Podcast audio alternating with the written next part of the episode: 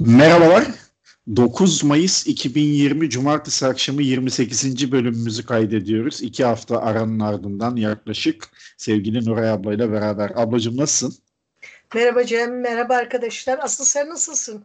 Hastaydım. İyiyim ben de teşekkür ederim. Evet yani e, yaklaşık iki haftalık bir soğuk algınlığını anca atlatabiliyorum. Benim bu artık geleneksel hale gelen ilkbahar ve sonbahar griplerimin İlkbahar alanını atlattım vallahi Çok zor oldu. Olsun. E, neyse ki e, sıradan bir gripti yani korona falan değildi. E, birazcık evet. endişelendik sen hastalanınca. Ee, yani. e, test sonucu çıkana kadar birazcık e, diken üstünde kaldık doğrusu. sen daha çok kalmışındır. Hani ben burada e, senden haber gelince çok içim rahatladı ama e, asıl sen sıkıntıyı çekmişindir. Çok geçmiş olsun. Çok sağ ol, çok teşekkür Bugün, ederim. E, bugün seslerimiz de uyumlu oldu. Bahar geldiğinden beri benim polen alerjisinden sesim böyle pürüzlü ve pes. Senin ses de gripten dolayı biraz pürüzlü bugün. Evet, e, evet. Pürüzlü pürüzlü konuşacağız bakalım. Konuşalım ablacığım. İstersen şöyle yapalım. Ee, neden iki haftadır kayıt yapamadığımızı ben çok kısa anlatayım. Sen evet, de neden evet. kısa bir ara vereceğimize değin. Ondan sonra evet. zaten devam ederiz. İşte dediğimiz gibi ben e, bu hafta değil de geçen hafta hafta sonu biraz kendimi kötü hissettim. E, akabinde de işten de bir iki gün izin aldım hani toparlarım falan diye. Ama toparlayamadım. Tabii bu devirde de böyle üşütünce hemen olay başka yerlere gidiyor haliyle. Ben kendim evet, de düştüm. Neler geliyor elbette. Çevremiz, sevdiklerimiz, siz falan, iş yeri, herkes ona odaklanınca tabii doktora gittim. Test falan filan. Geçen hafta raporlu evde yatıyordum. Bu içinde bulunduğumuz hafta işe başladım tekrardan. Bir, bir hafta işe de ara verdim. Bayağı ciddi bir soğuk algınlığı geçti. Bu hafta da hani işe başladım ama tam yüzde yüzümde değildim. Akşamları da gelip yatıyordum, dinleniyordum falan. O yüzden sana dedim hani bu hafta da pas geçelim diye. Ama artık yani tam bugün 15 gün oldu benim hastalığımın üstünden. Bugün kendimi artık daha net, daha fit hissediyorum. Herhalde yarın falan da iyice iyileşmiş olurum. Yeni haftaya böyle bomba gibi başlayacağız inşallah. Böyle çok şey bir e, soğuk algınlığı geçirdim. O sebepten kayıt yapamadık. Hani Herhalde onu... boşuna doktorlar demiyor. E, grip e, ilaçla iki haftada e, dinlenerek 15 günde geçer. Evet, evet. Ya bir de şöyle bir enteresan bir şey oldu. Ee, bana hiç ilaç da yazmadılar biliyor musun? Tamamen koronaya odaklandıkları için. Hani test pozitif çıksaydı Allah korusun hemen zaten e, İl Sağlık Müdürlüğü eve o prosedürü sen de görmüşsündür Twitter'da falan. Evet, evet. Eve ilaç gönderiyorlar falan filan. Ben şu an hala gözetim altındayım. İşte aile hekimi her gün mesaj atıyor ya da arıyor. İşte şikayetleriniz nasıl? Yani güzel bir sistem var. O konuda da memnun kaldım açıkçası. Hani şikayetiniz varsa rapor yazalım falan filan böyle bir devamlı bir markaj altındayım. Yani o, o yönden insan kendini iyi hissediyor. Bu ilgilenen herkese de teşekkür etmek lazım bu dönemde. Kesinlikle. Yani şey e, geçen gün bir e, hekim arkadaşımla konuşuyordum. Ayfer nörologtur. E, çok e, çarpıcı bir şey söyledi. Dedi ki biz e, kendimizi beğenmemeye e, kendimizi eleştirmeye o kadar alışığız ki iyi bir şey olduğunda e, onu bile fark etmiyoruz. Bu e, tabii o mesleği gereği e, bu korona ile ilgili istatistikleri, başka ülkeler ne yapıyor, bizde ne yapılıyor filan e, daha yakından ve karşılaştırmalı olarak izliyor. E, çok iyi gidiyoruz ve bunda e, sağlık emekçilerinin çok önemli bir payı var. Ee, evet. Gerçekten e, e, öyle. Yani e, umduğumuzdan çok e, değerli toplu gitti gibi görünüyor. İşte bu galiba dün müydü? E, yani e, tabii bu buna olumluya gidiş diyoruz. Yani ölü sayısı 50'ye inmiş. Ama bu 50 tane insan yani, 50 evet. yuva, e, yuvaya ateş düştü filan demek aynı zamanda tabii. Onu hmm. öyle söylemek de çok zor geliyor bana ama e, neticede e, şey bir de Ergun'la da konuşup duruyoruz. Yani gerçekten gülüyorum ama sinirimden gülüyorum. Yani çok birçok insanın ne sosyal mesafeyi iplediği var, ne maske taktığı var. Buna rağmen e, Yani e, bizi bir şey koruyor ama ne koruyor E, e, evet ya gerçekten. doktorlarımız, hastanelerimiz. Gerçekten e, hakikaten yani e, sistemi istatistiklere geçen birisi olarak söyleyeyim bunu. Sistemi e, istemeden de deneyimlemiş oldum. Gerçekten iyi. Yani kurulu bir sağlık sistemi var. Bir düzen var. ilgileniliyor. E, bu bence ben güzel memnun, bir şey. memnun olmadığım başka bir kısmını söyleyeyim. Bu- Buradan da şeye geçelim. Bir süre ara vereceğiz. Hı hı. Bu e, e, belirsiz bir süre için ara vereceğiz podcastlere ve o belirsiz süreden önceki son podcastimiz. E, çünkü ben pazartesi günü Erzincan'a gideceğim. E, babam rahatsız, o, annem orada e, ve ailede e, işte bütün bu alerjik astım vesaire sorunlarına rağmen e, gidebilecek durumda olan benim. Abim 65 yaş üstü. Kardeşim geçen sene e, radyoterapi, kemoterapi e, filan içeren bir tedaviden çıktı. E, ablamın bel fıtığı tuttu. Evde yatıyor bir, bir süredir. E, geriye ben kalıyorum gitmek için. E, ben de tabii İzmir'e giriş çıkışlar yasak olduğu için e, seyahat izni başvurusunda bulundum. Bunun için de Erzincan'dan babamın yatalak hasta olduğuna ve bakıma ihtiyacı olduğuna dair bir rapor, sağlık raporu gönderdiler bana. O raporla başvurdum E-Devlet'te. Reddettiler. Durumu açıklayan, işte o prosedürü yerine getiren ve not düşmüşler. Ee, babanıza bakmak üzere gideceğinize dair bir doktor sevk e, sevkiyle başvurun diye. Aile doktorumuzu aradım. Öyle bir sevk veremem ben dedi. Şimdi doktor benim babama bakmaya gideceğime dair nasıl sevk verebilir? Sistemin Yani- tıkandığı bir yer burası. Yani öyle mantıksız bir talep ki. E, doktor bana bir sağlık raporu verdi sadece. Hani seyahat edebileceğime dair. Dedi ki bu, bunu verebilirim yani. Dedim bir verin bakalım. Böyle el yordamıyla ilerliyoruz. Ama dedi e, bir arkadaşım e, Kuşadası'ndan daha yeni izin aldı. Kaymakamlıktan e, e, belgeyi alabilirsiniz. Ben de işte bizim bağlı olduğumuz Menemen Kaymakamlığı'na gittim. Menemen Kaymakamlığı'nın önünde böyle özel güvenlik e, işte e, şey e, elemanlar filan böyle sanırsın e, düşmandan e, bir kale koruyorlar. Giremezsiniz filan. Ya niye giremeyeyim? Bir dakika girerim tabii ki. Yani ben vatandaşım, burada işim var, gireceğim. Niçin gireceksiniz? Seyahat izni için evraka ihtiyacım var. Hayır, e, onu E-Devlet'ten başvuracaksınız. Başvurdum, reddettiler. Evrak istiyorlar, onu da kaymakamlık veriyormuş. Kapıdan girene kadar bir savaş verdim. Böyle bayağı bağırış çağırış birbirimize girdik yani. Öyle bir savaş verdim. Neyse bağırıp çağırdım, girdim. Ee, ve onlar da beni geçirmeyecekler yani. En sonunda dedim ya siz ne yapıyorsunuz? Burayı, burası kaymakamlık buraya elinizi kolunuzu sallayarak giremezsiniz diyor. Dedim ben vatandaşım. Burası da benim kaymakamlığım. Burası bana hizmet etmek için var ve ben buraya elimi kolumu sallayarak girerim yani. Ve giriyorum dedim. Neyse biri geldi oradan müdahale etti filan girdim. Üst kata çıktım. Üst katta iki memur e, koridoru kapatmışlar. Masa koymuşlar. Oradan uzaktan konuşuyorlar. Haklılar. Tabii ki öyle yapacaklar. Onlar da böyle gayet beni azarlayan bir şeyle E-Devlet'ten başvuracaksınız. Arkadaşım dedim. E-Devlet'ten başvurdum. Böyle böyle bir evrak istediler. Bu evrakı almak için doktora gittim. Doktor bana bu evrakı veremeyeceğini, öyle bir evrak düzenleme yetkisi olmadığını, bu yetkinin kaymakamlıklarda olduğunu söyledi. Ben de sizden öyle bir evrak almaya geldim. Biz de vermiyoruz. Bizde öyle bir uygulama yok. Gidip E-Devlet'ten başvuracaksınız dedi.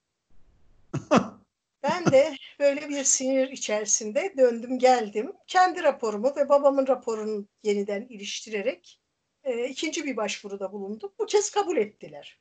Allah Allah. Ben kaymakamlıkta çözmüşsündür diye düşünmüştüm hikayeyi dinlerken ama Hayır, olmamış. Kaymakamlıktan, kaymakamlıktan beni kovmaktan beter ettiler.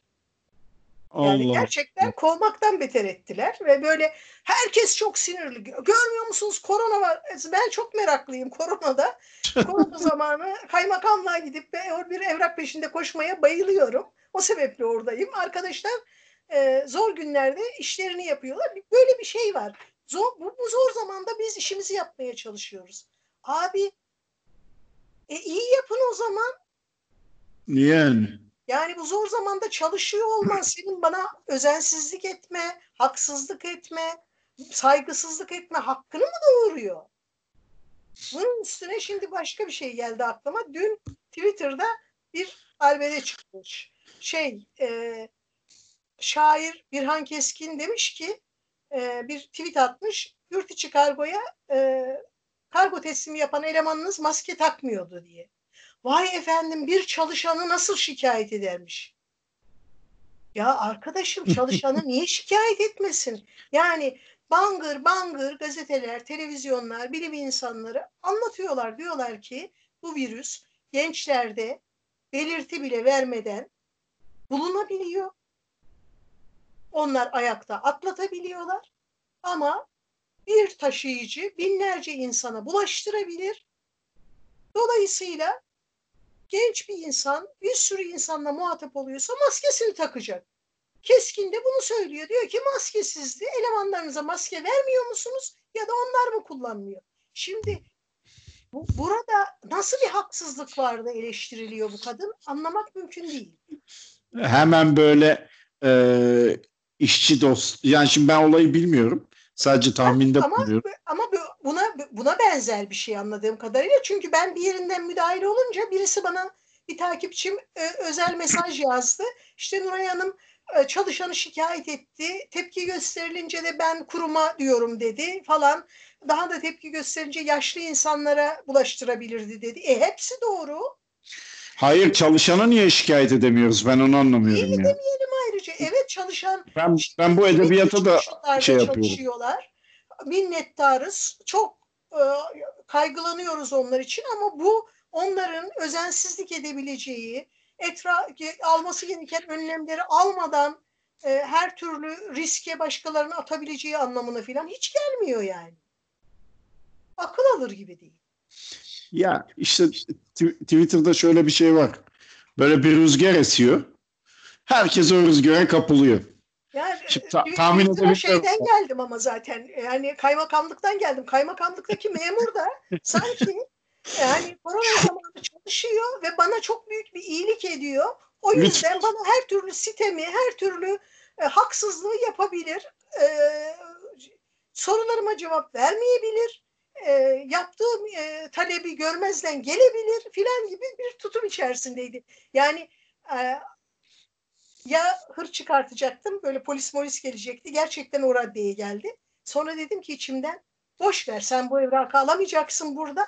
Sinirini de bozma. Dön git. Tamam arkadaşım teşekkür ederim dedim ve bir hışım döndüm. Ama ge- gene iyi çözmüşsün işte. Yani. yani.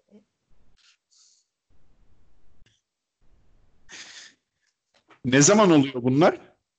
Cuma günü falan mı? Önceki gün evet evet. Hmm. Önceki gün. İyi. Neyse E, işte izni aldık gideceğiz. Ee, bu arada şey e, böyle e, bu böyle zamanlarda acayip şeyler oluyor. Sanki e, e, garip tesadüfler diyeyim. E, ve insan e, hakikaten e, bazen e, nasıl e, ifade edeceğimi de bilemiyorum. Kend, ben, ben diye başlayayım daha doğru söyleyeceğim. E, yani kendimi çok şanslı e, ve e, sarılmış, sarmalanmış, sevilmiş, korunmuş filan hissediyorum. E, Tam bu işte şeyler e, annemle konuştuk. O yardıma ihtiyacı var. Birimizin gitmesi artık kaçınılmaz. İzin mizin bir şeye başvuracağız filan böyle bir durumdayız. Bizim de e, okul arkadaşlarımla bahsediyorum bir WhatsApp grubumuz var e, üniversiteden sınıf Hı hı. arkadaşlarımızla. Orada da sürekli tabii bir geyik dönüyor. Korona geyikleri, aile, çocuk muhabbetleri filan. Fakat benim de o kadar e, keyfim kaçık ki e, hani oradaki muhabbetlere de katılamıyorum. Açıyorum, bakıyorum filan. E, pek katılacak şeyim yok. Arkadaşlara bir not yazdım. Dedim ki "Hmm, e, ya arkadaşlar kusura bakmayın böyle muhabbetinizi izliyorum, katılamıyorum. Babam rahatsız, e, biraz keyfim yok. Ben biraz ara vereceğim. Gruptan çıkıyorum. Bir, bir süre sonra yeniden katılırım diye. Birkaç arkadaşım telefonla aradı tabii ben gruptan çıktı. Ya niye çıktım falan. Onlara da durumu açıkladım. Aralarından bir tanesi E, işte sınıf arkadaşlarımdan biri. Aradı dedi benim hafta sonları eşim geliyor. E, Kırıkkale'de e, çalışıyor. Özel aracıyla buraya gelip dönüyor. O seni götürür. Oradan da bir yol bulurum diye düşünüyorum. Hayır hayır seni Erzincan'a kadar götürecek dedi. böyle e, e, hakikaten e, çok şey yani ben de kara kara düşünüyorum. Uçak yok, otobüs yok, nasıl giderim filan. E, işte böyle randevulaştık. Şimdi pazartesi günü Emre ile yola çıkacağız. O beni götürecek, anneme babama bırakacak. Oradan da işine gidecek. İşte Vay. yeryüzünde böyle iyi insanlar var. Öyle diyeyim ne, yani. Ne güzelmiş ya valla. Ya, evet, ben de evet. sana soracaktım nasıl gideceksin uçak yok otobüs mü var acaba falan filan yok, diye. Sen, ben, ben sen... de araba da kullanamıyorum. Hani araba kullanabilsem bir araç kiralayıp gideyim filan. Ee, ehliyetim yıllardır var ama çok acemi bir şoförüm. Yani o yolu gitmem mümkün değil. Ama işte böyle yani e, ihtiyaç olunca e, hani benim hiç aklıma bile gelmez sormak. Nereden bilmiyordum da böyle bir e, gu- gruptan çıkmasan gruptan çıkmasan olmayacak böyle bir şey. Ya, gruptan çıkmasam belki evet bu farkına varılmayacaktı, konu edil olmayacaktı filan. Yani öyle işte e, böyle güzellikler de var hayatta. Evet o evet yani yanı sıra. E, genel olarak şöyle söyleyeyim son 15 gün hani benim kolay kolay hayatta pek tadım kaçmaz. Çok zordur yani. Ama e, son 10-15 gündür artık benim de hani bu belki de bu hastalığın da etkisiyle ve bir ya hafta hastalık da çok moral bozar tabii. Bir hafta da evde kaldım. Yani evde kalınca da çok sıkıldım bir de yani. Şimdi devamlı çalışıyoruz ya. Tabii. Biraz biraz hissetmiyoruz. Hani onu daha önce konuşmuştuk. Şimdi bir hafta evde hasta hasta yat yat yat çok daral bastı. Hani benim de modum biraz düştü açıkçası son dönemde. Tekrar yükseltmeye çalışıyorum. Yani ne kadar oldu? Biz Mart'ın ortasında bu mevzu başladı değil mi? Evet evet. Mayıs'ın ortasına geldik. iki ay oldu.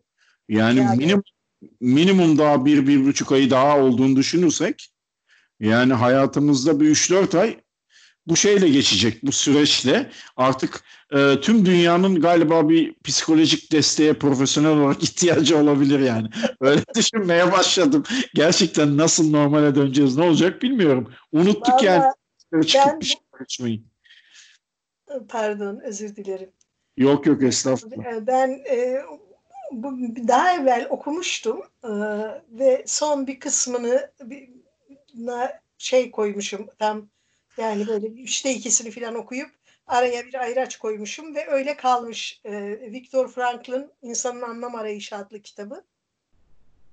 Şimdi dünden beri onu okuyorum. Viktor Frankl bir, Yahudi ve Yahudi soykırımından sağ kurtulmuş biri.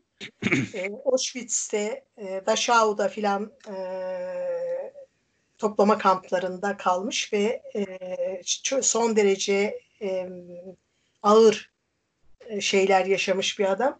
Şimdi Franklin anlattıklarını dinleyince bize bunu, bizim bu e, şartlarımız düğün bayram e, e, aslında her şey göreceli tabii. E tabii. Nereden baktığına bağlı. Evet öyle. Hakikaten her şey göreceli. Yani e, onun haricinde nasıl gidiyor? Valla onun haricinde iyi gidiyor. Bugün e, şeyi e, çevrilen masalların sonuncusunu yani çevrilip benim elime ulaşan masalların sonuncusunu bloga koydum. 66 masal oldu. E, ve 25.300 küsür kere okunmuş masallar. Of. Dehşet oo, bir tiraj değil mi? Evet. Yani ne 66 masal 25 bin kere e, işte aşağı yukarı masal başına e, ne ediyor? 500 okuma falan ediyor. Tabii ki kimileri daha az. Bunun bir önemi yok. Aslında bu sayıyı hani toplam sayı şey öne e, diye söylüyorum. Ya ee, kümülatif, kümülatif bile olsa bu okuma, kümülatif bile olsa bu sayı bence çok yüksek her bir biri, her biri yüzlerce defa okundu. Kimileri binlerce defa okundu. Böyle çok gerçekten hani e, çok lazım bir şey yapmışız yani farkında olmadan öyle söylüyorum e, söyleyeyim daha doğrusu. E, işte Twitter'dan, e, Facebook'tan, e, blogda e, yorum yazarak filan bir sürü insan ya işte iyi ki yaptınız. Çocuk çocuklarımı okuyorum. Kendim okuyorum. E, çok teşekkürler filan. Biz teşekkür ederiz. Yani hepimize iyi geldi. Hani sadece şeye değil, e, okuyanlara değil, yapanlara da iyi geldi gerçekten. Bazı arkadaşlar e, şey e, yani birden fazla masal çevirdiler. Yani, e, Özlem Köse geliyor aklıma, Deniz e, geliyor. Ondan sonra Ayşe var. Ayşe e, birden fazla masal çevirdi. E, Altu ve e, Setenay birden fazla masal çevirdiler. E, bazılarının hoşuna gitti, daha daha yaptılar filan. E, Seslendirme Seslendirme nasıl gidiyor? Seslendirme devam ediyor.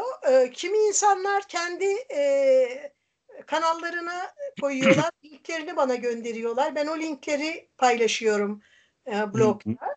E, kimileri kaydı bana gönderiyorlar. Ben bizim e, kendi kanalımıza koyup e, oraya koyuyorum. E, bakarsan şeyde göreceksin bazı masallar birden fazla defa seslendirildi. İkisini de, üçünü de paylaşıyorum. E, böylece insanlar değişik seslerden dinleme olanağı bulabilirler. Değişik yorumlarla dinleme olanağı bulabilirler. Ve çok hoş bir şey daha oldu. Dün e, Sevin Okyay e, biliyorsun kendisi gazeteci, çevirmen, hı hı. E, on parmağında on marifet bir kadındır. E, o da bir e, kelt masalı çevirmek istediğini söyledi. Geciktim mi filan e, bunu çevirmek istiyorum olur mu dedim. Tabii ki olur. Şimdi Sevin Hanım da onu çevirecek. Ee, biraz tabii e, yavaşladı. Normal öyle olması. E, beklenen bir şey. Benim beklediğimden uzun sürdü ve benim beklediğimden çok masal e, çevrildi. Benim için de çok ilginç bir deneyim oldu bunların edisyon süreci. Yani editörlerin e, e, çalışma koşullarında e, editöre düşen şeyi de daha iyi anladım. E, editörlükte kusurlarım oldu e, hatalar kaldı metinlerde. E, insanlar beni ikaz ettiler, onları düzelttim filan. Böyle eğitici güzel bir süreçti. E, o da işte e, yavaş yavaş sönümleniyor gibi. Ama biliyorsun e, yani koronadan sonra e, o masalların bir kısmını e, Nesin yayınları basacak. Evet. E, geliri vakfa gidecek. O da ayrıca heyecan verici ve sevindirici bir şey oldu. Bütün katılımcılar için e, arkadaşların tabii onayını aldım böyle bir öneri gelince.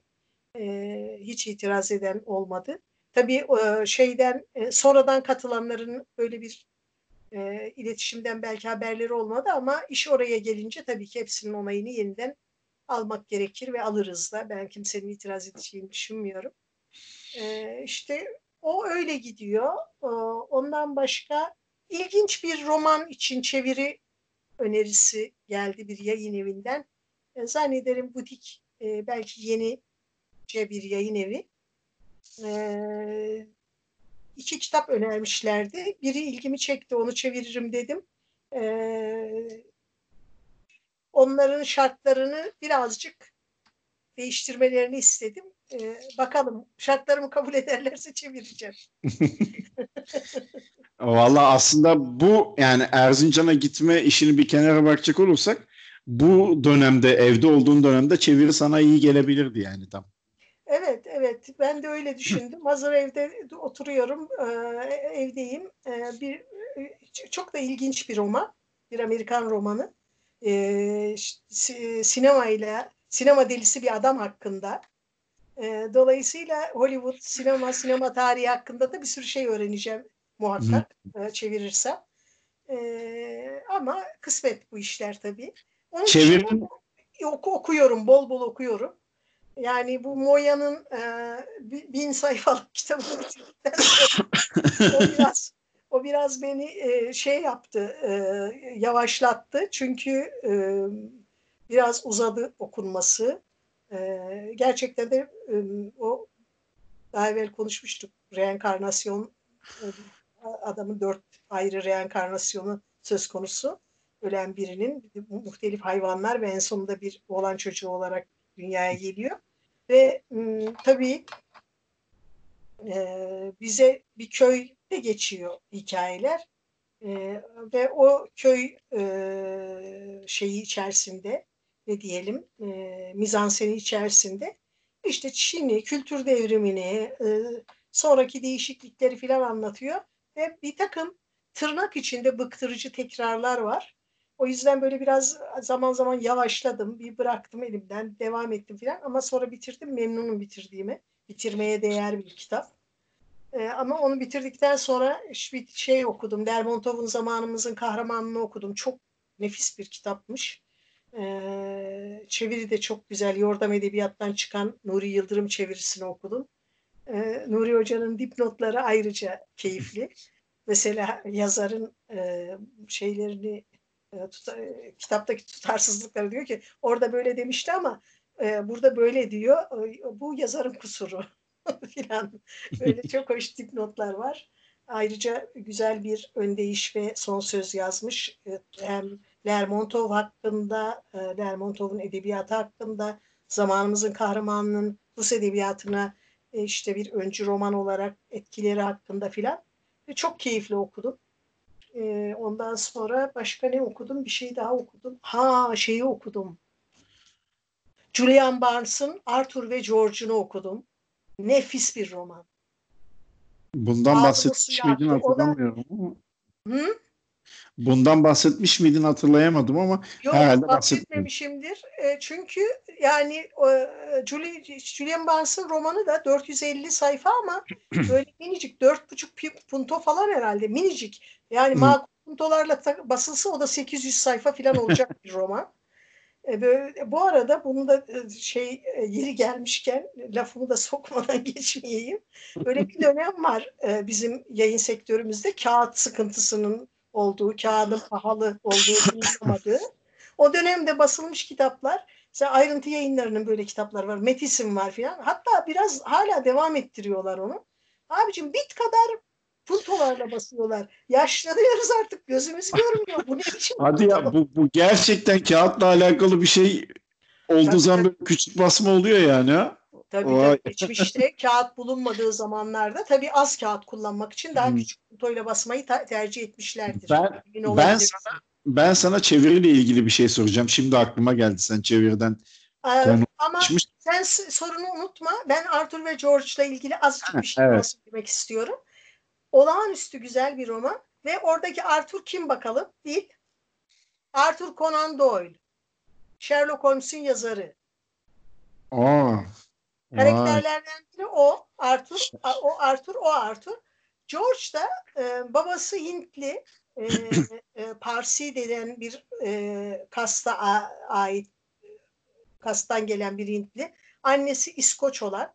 E, o Hintli Hristiyan olmuş, sonra din adamı olmuş. Sonra da İskoç bir kadınla evlenmiş ve İngiltere'ye yerleşmiş. İşte tabii 1800'lerin sonlarında, 1900'lerin başlarında geçiyor hikayeler. E, ve e, George da o çiftin çocukları ve bir takım haksızlıklara uğruyor. İşte hapsediliyor e, filan ve bir şekilde onların yolları e, şey yapıyor, kesişiyor. E, Doyle ona yardım ediyor aklanması konusunda sonradan. Fakat nefis bir kurgu ve nefis bir hikaye. Böyle e, iki günde filan e, hatta bir gece üç buçukta yattım çünkü e, elimden bırakıp uyuyasım gelmedi hikayeyi. Mutlaka okumak istedim filan.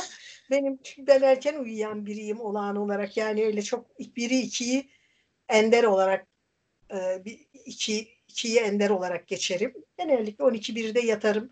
Daha gençken daha da erken yatardım. Fakat e, işte bazen bazı kitaplar e, beni uyutmuyor. Böyle sabaha karşı uyuyorum. Arthur ve George da böyle işte onu bitirdim. Şimdi insanın anlam arayışını okuyorum. Bu, e, bu son iki haftadır okuma hızımdan memnunum. E, Evet bayağı saydın çünkü. Evet, evet. E, ve okuyacak da çok kitabım var. Ne iyi ki. E, o- onlara devam ediyorum. Sen şimdi çeviriyle ilgili soruna gelebilirsin. Sher- Sherlock Holmes için bir şey söyleyeyim ben şimdi sen Sherlock Holmes'a da dem vurunca onun da benim için şöyle bir önemi var. hazırlık sınıfında 14 yaşındayken ilk okuduğum İngilizce kitaptı Sherlock Holmes. Onu da hiç Hmm. unutmam. İngilizcemiz gelişsin diye İngilizce kitap alırdık. İlk Sherlock Holmes'u okumuştum. Evet. Onu hiç unutmuyorum yani. Elimde sözlük ama sözlük de İngilizceden İngilizce. Bir sözlük Aa, şey süper. yapıyorum. Süper. bir şey yapmıştı ya. Evet. O, O o, o ben onu hiç unutmam ya. çok tuhaf. Mesela Sherlock Holmes'u yazarken Doyle'un kendisi bile böyle büyük bir edebiyat eseri yazdığı filan kanısında değil. Yani işte kara, e, Holmes'u bir yerde öldürüyor. Sonra çok, Hı hı. çok ısrar edilince tekrar diriltiyor falan filan. Kendisi de çok enteresan bir karakter.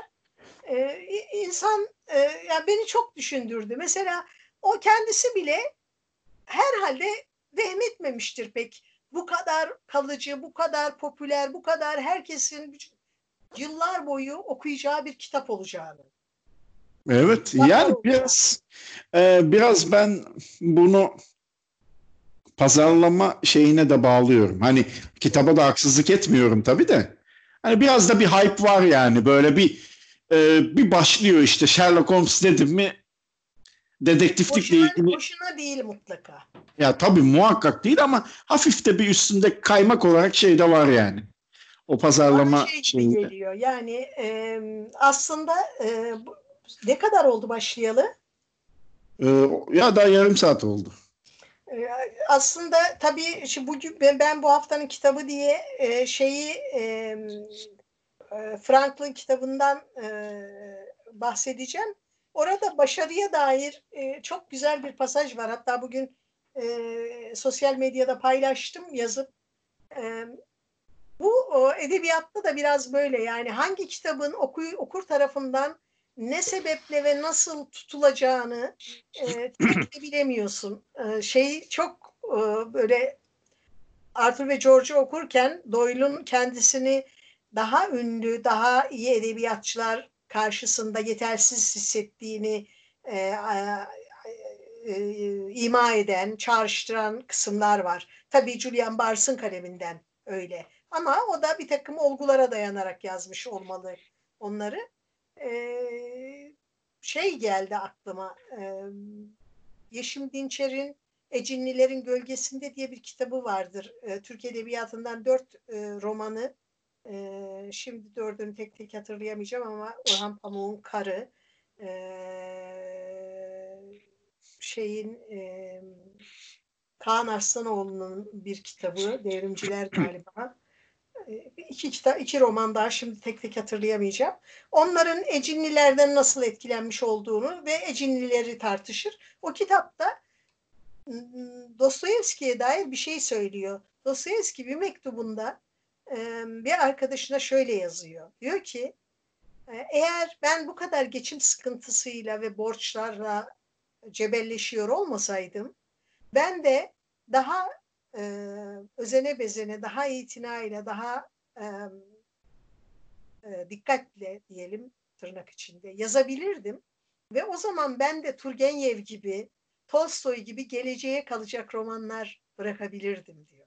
Adamdaki tevazuya bak abi. Yani o yok artık ya. Yok artık daha ne yapsın? Ama işte büyük edebiyatçı böyle bir şey. Yani ne Yani kadar yaparsa yapsın, ne kendisinin çok iyi bir şey yaptığının farkında bile değil. ya bıraktığı etkinin Yani- farkında değil demek ki yani okuy Ama- okuyanlar üzerinde. Ama bana şöyle geliyor e, Cem, bilmiyorum e, sen ne dersin? E,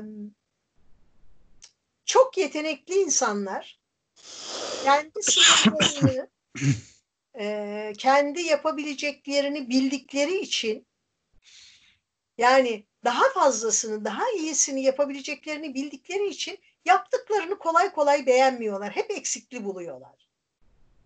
Ee, Belki, belki Dostoyevski'ninkinde böyle bir şey yani. Çünkü adam gerçekten geçim kumarbaz, sarı hastası, borçları var, e, sözleşmeler yapıyor, yetiştirmesi lazım. Öyle böyle bir sürü şey var ve e, çok hızlı bir şekilde e, yazmak, teslim etmek zorunda.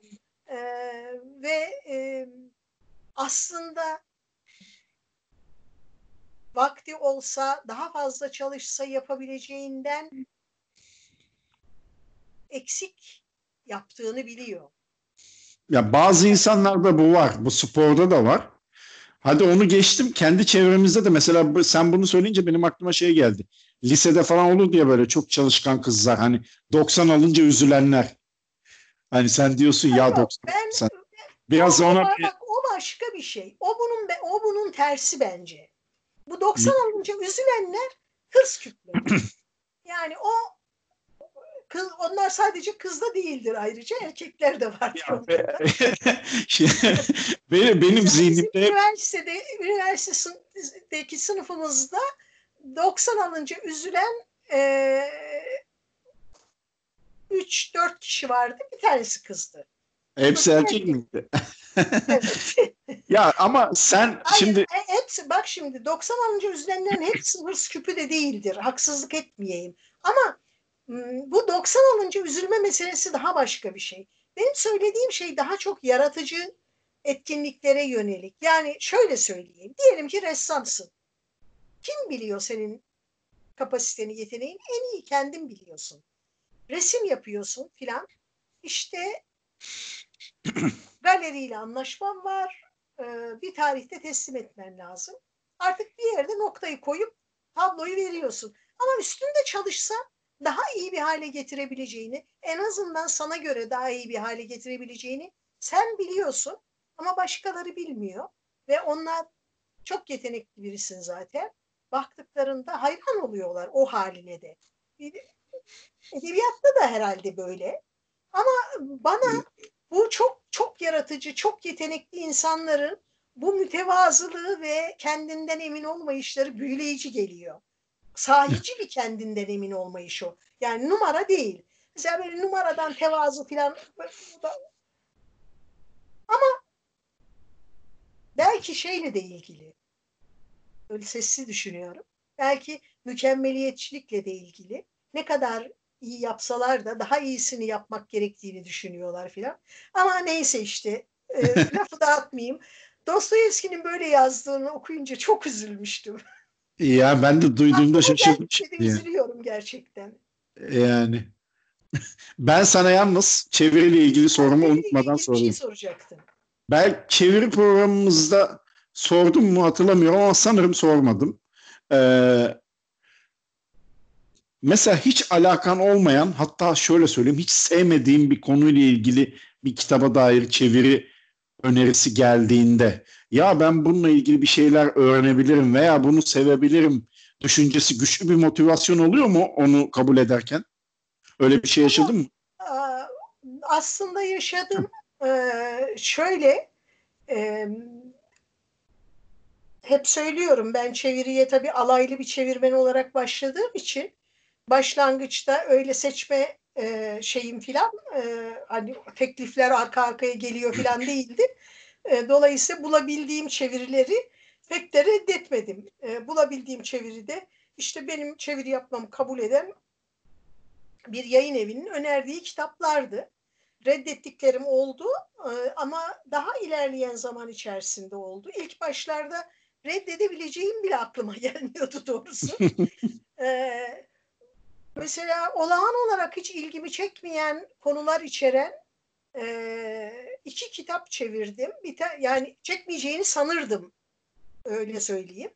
Bir tanesi ım, tarih boyunca yalan ve propaganda diye bir kitap. E, bir tanesi de e, tarihi değiştiren yüz hata. Ben tarihe çok meraklı biri değilim. Tarihte bilmem fazla. Yani tarih bilgilerim böyle yapboz gibi bölük pörçüktür. Ee, şey değil, yer tarihi değil, insanlık tarihi. Yer tarihi iyi bilirim. Ee, o başka bir mevzu. Şey yani gezegen yer bilimi anlamında söylüyorum tabii. Ee, Birazcık komik olsun diye de söylüyorum onu. Ee, olağan olarak ilgimi çekmezdi. Ama e, işte çeviriye yeni başladığım zamanlardı. Daha işte bir, bir iki kitap çevirmiştim herhalde. Ee, dedim ki bunlar hem de e, farklı farklı konular, değişik konularda hem bilgi edinebilirim hem de kelime hazinem genişler. Hakikaten öyle oldu. Yani hmm, ne bileyim savaştan orduya, işte e, gazetecilikten siyasete, sağlıktan spora, pek dine, pek çok alanda bir takım olayları içeren kitaplardı onlar. İşte bir tanesi e, tarih boyunca e, kazara ya da bir e, hata sonucu yapılmış bir takım e, hareketlerin, alınmış bir takım kararların tarihin akışını nasıl değiştirdiği hakkındaydı. E, bir tanesi de e, çok farklı çağlarda ve ülkelerde ve kişiler tarafından e, söylenen yalanlar, propaganda o, e, dümenleriydi. E, hakikaten e, çok şey öğrendim. E, yani iyi ki çevirmişim diyorum şimdi. Çünkü e, şey e, olağan olarak e, gidip e, ilgilenmeyeceğim, aramayacağım, okumayacağım filan alanlarda bir sürü şey okumak okumam gerekti. E, bilmediğim çok yeni sözcükler öğrendim. E, ve e, öyle biraz da bir genel kültür e, şeyi oldu, bilgisi oldu benim için oralardan öğrendiklerim. O nedenle e, tabii şey çevirmenin e, biraz kendi konfor alanının dışına çıkması, kendini rahat hissettiği alanların dışında şeyler yapması e, zaman zaman iyidir. Abi onlardan bir tanesi de şeydir tabii. Teröristlerle konuşmak e, çatışma Hı. çözümleri konusunda bir e, kitap. Bu ta- tanıtmıştın galiba bunu sen evet, hatır. Evet. E, benim geçen hafta geçen bir önceki şeyde bahsetmiştim. Hatta fotoğrafını e, yazarla fotoğrafını paylaşmıştın onu anlatmıştın. evet evet Jonathan Powell'ın kitabı. E, mesela onu e, benim Kural dışı yayınlarındaki çok sevgili, çok saygıdeğer, e, harika editörüm e, Seyfi Öngider ısrarla benim çevirmemi istedi. E, hem hızlı olması gerekiyordu. Onunla e, şeydir yani birbirimizin birbirimizi severiz ve birbirimizin işlerini beğeniriz. E, senin iyi yapacağını düşünüyorum dedi.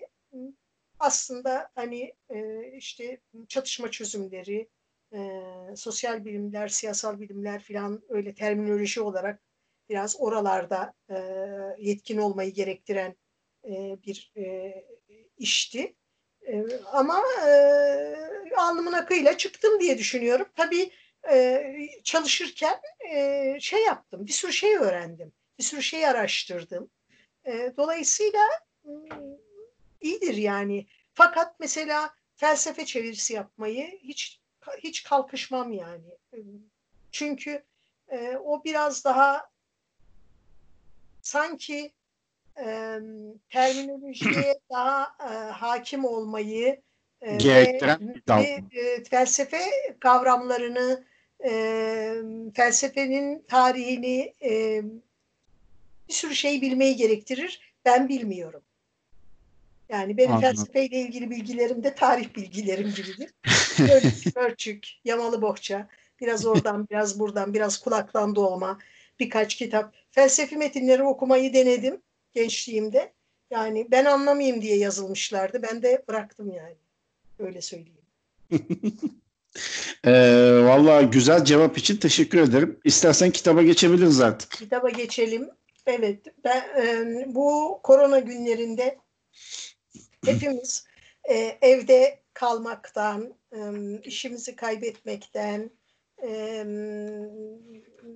kay, hastalanacağız e, diye kaygılanmaktan, yakınlarımız hasta diye kaygılanmaktan, her türlü şeyden muzdaripiz. Geçenlerde e, Twitter'da hayatımın romanı diye e, şey yapmıştım, nitelendirmiştim Pollyanna'yı. Biri dedi ki başkalarına bakıp haline şükretmek bana hiç şey gelmiyor. Başkalarının talihsizliklerine bakıp e, hiç doğru gelmiyor. E, ben de dedim ki başkalarının ta, e, talihsizliklerine haline bakıp e, kendi halinize şükretmiyorsunuz. E, başka türlü bakmak da mümkün. E, burada da söylemek istediğim şey değil. Aa bakın e, Frank'lı okuyun da e, toplama kamplarında ne kadar zordalarmış biz hiç zorda değiliz e, demek istemiyorum elbette. Hiç öyle bir niyetim yok. Ama güzel kitap. Şimdi şurada bulabilirsem ee, çok hoş bir kısmı vardı. Ha, tam da buldum. Hmm, toplama kamplarında e, tabii hayatın e, çok zor olduğunu ama e, sanıldığı gibi e, bir teviye devam eden bir acı ve ızdıraptan ibaret olmadığını söylüyor. Diyor ki mizah duygusu geliştirme ve olayları mizahi bir ışık altında görme çabası yaşama sanatında ustalaşırken öğrenilen bir hiledir. Ama her an, her yerde acı bulunmasına karşın bir toplama kampında bile yaşama sanatını uygulamak olasıdır.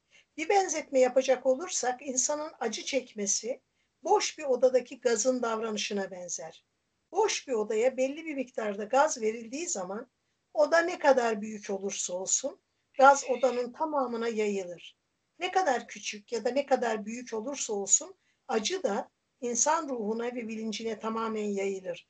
Dolayısıyla insanın çektiği acının büyüklüğü kesinlikle görecelidir. E, Franklı da kendime e, şahit tutmak istedim burada. E, demek istediğim acıları kıyaslamak değil.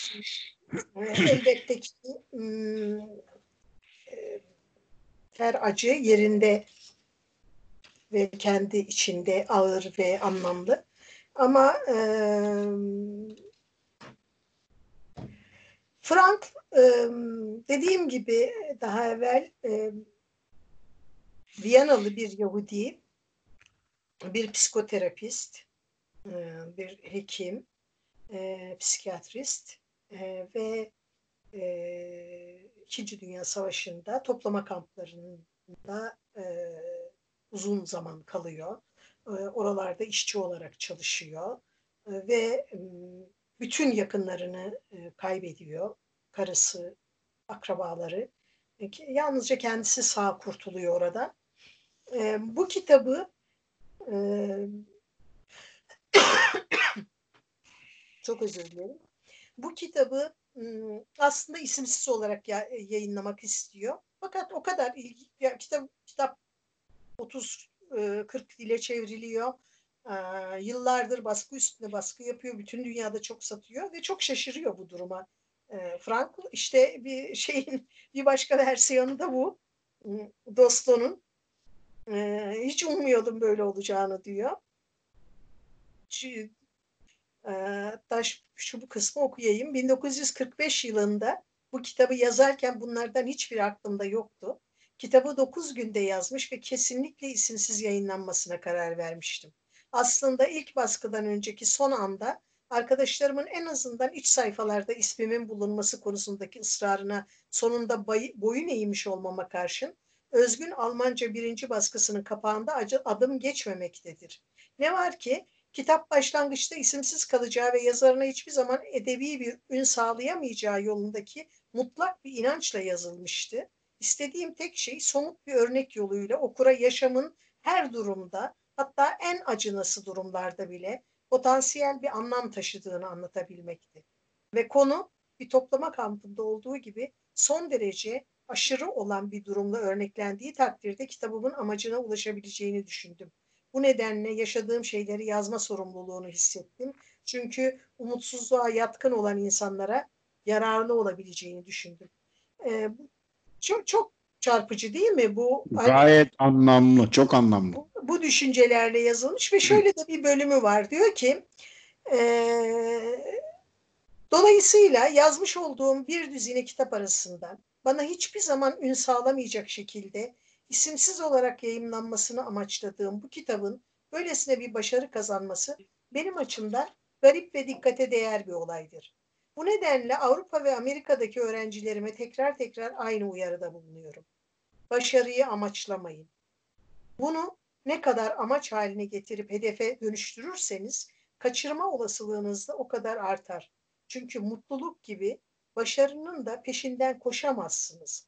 Kendisi ortaya çıkmalı, kendisi oluşmalı. Sadece kişinin kendinden daha büyük bir davaya kişisel adanışının amaçlanmayan bir yan etkisi olarak ya da kişinin kendini bir başka insana bırakışının bir yan ürünü olarak oluşmalıdır.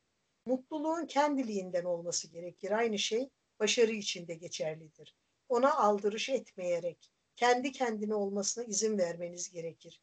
Bilincinizi dinlemenizi ve bilginiz dahilinde bilincinizin sizden yapmanızını istediğiniz sizden yapmanızı istediği şeyi yerine getirmek için elinizden geleni yapmanızı istiyorum. O zaman uzun vadede, uzun vadede diyorum.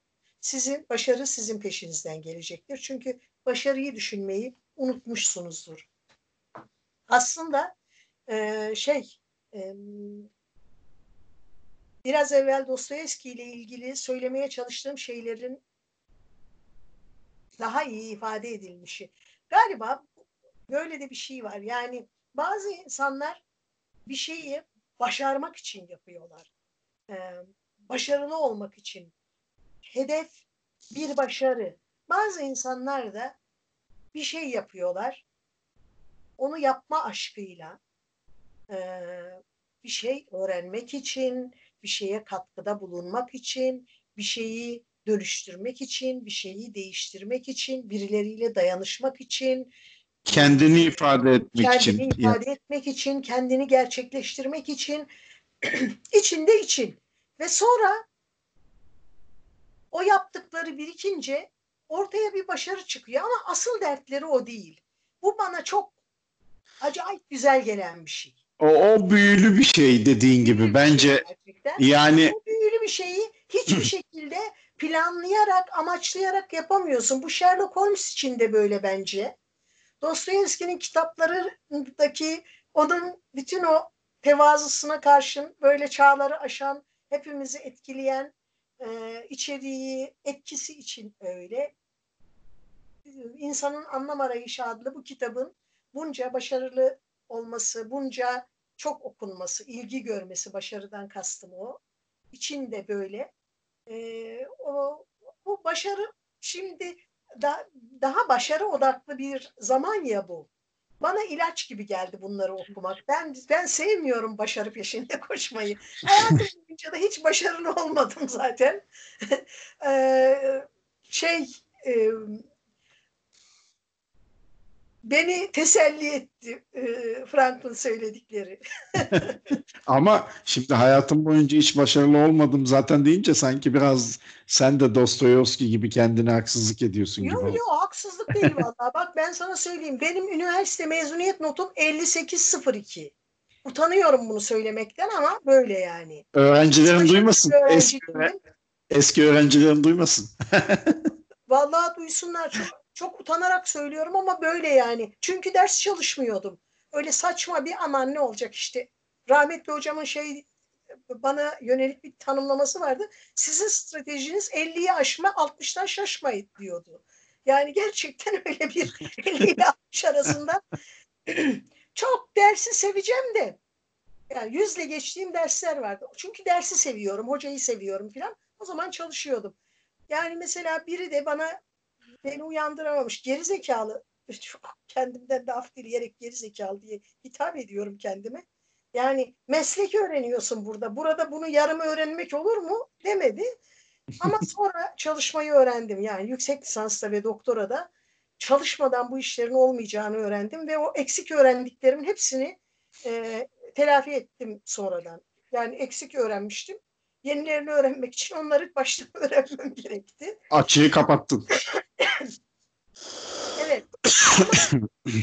mesela akademide başarısız oldum. Yani e, doktoramı bitirdim. İşte kısa bir süre yardımcı doçent olarak çalıştım. Ayrıldım. Ne bileyim kamuda çok başarısız bir memurdum. Ee, bir sürü soruşturma geçirdim filan. Yani öyle e, sevilmeyen bir çalışandım doğrusu. Ee, ama bak kitapçı olarak başarılı buluyorum kendimi. Başarı peşinde koşmuyorum ama seviyorum kitapları. Belki onunla ilgili. Yani sevdiğin şey.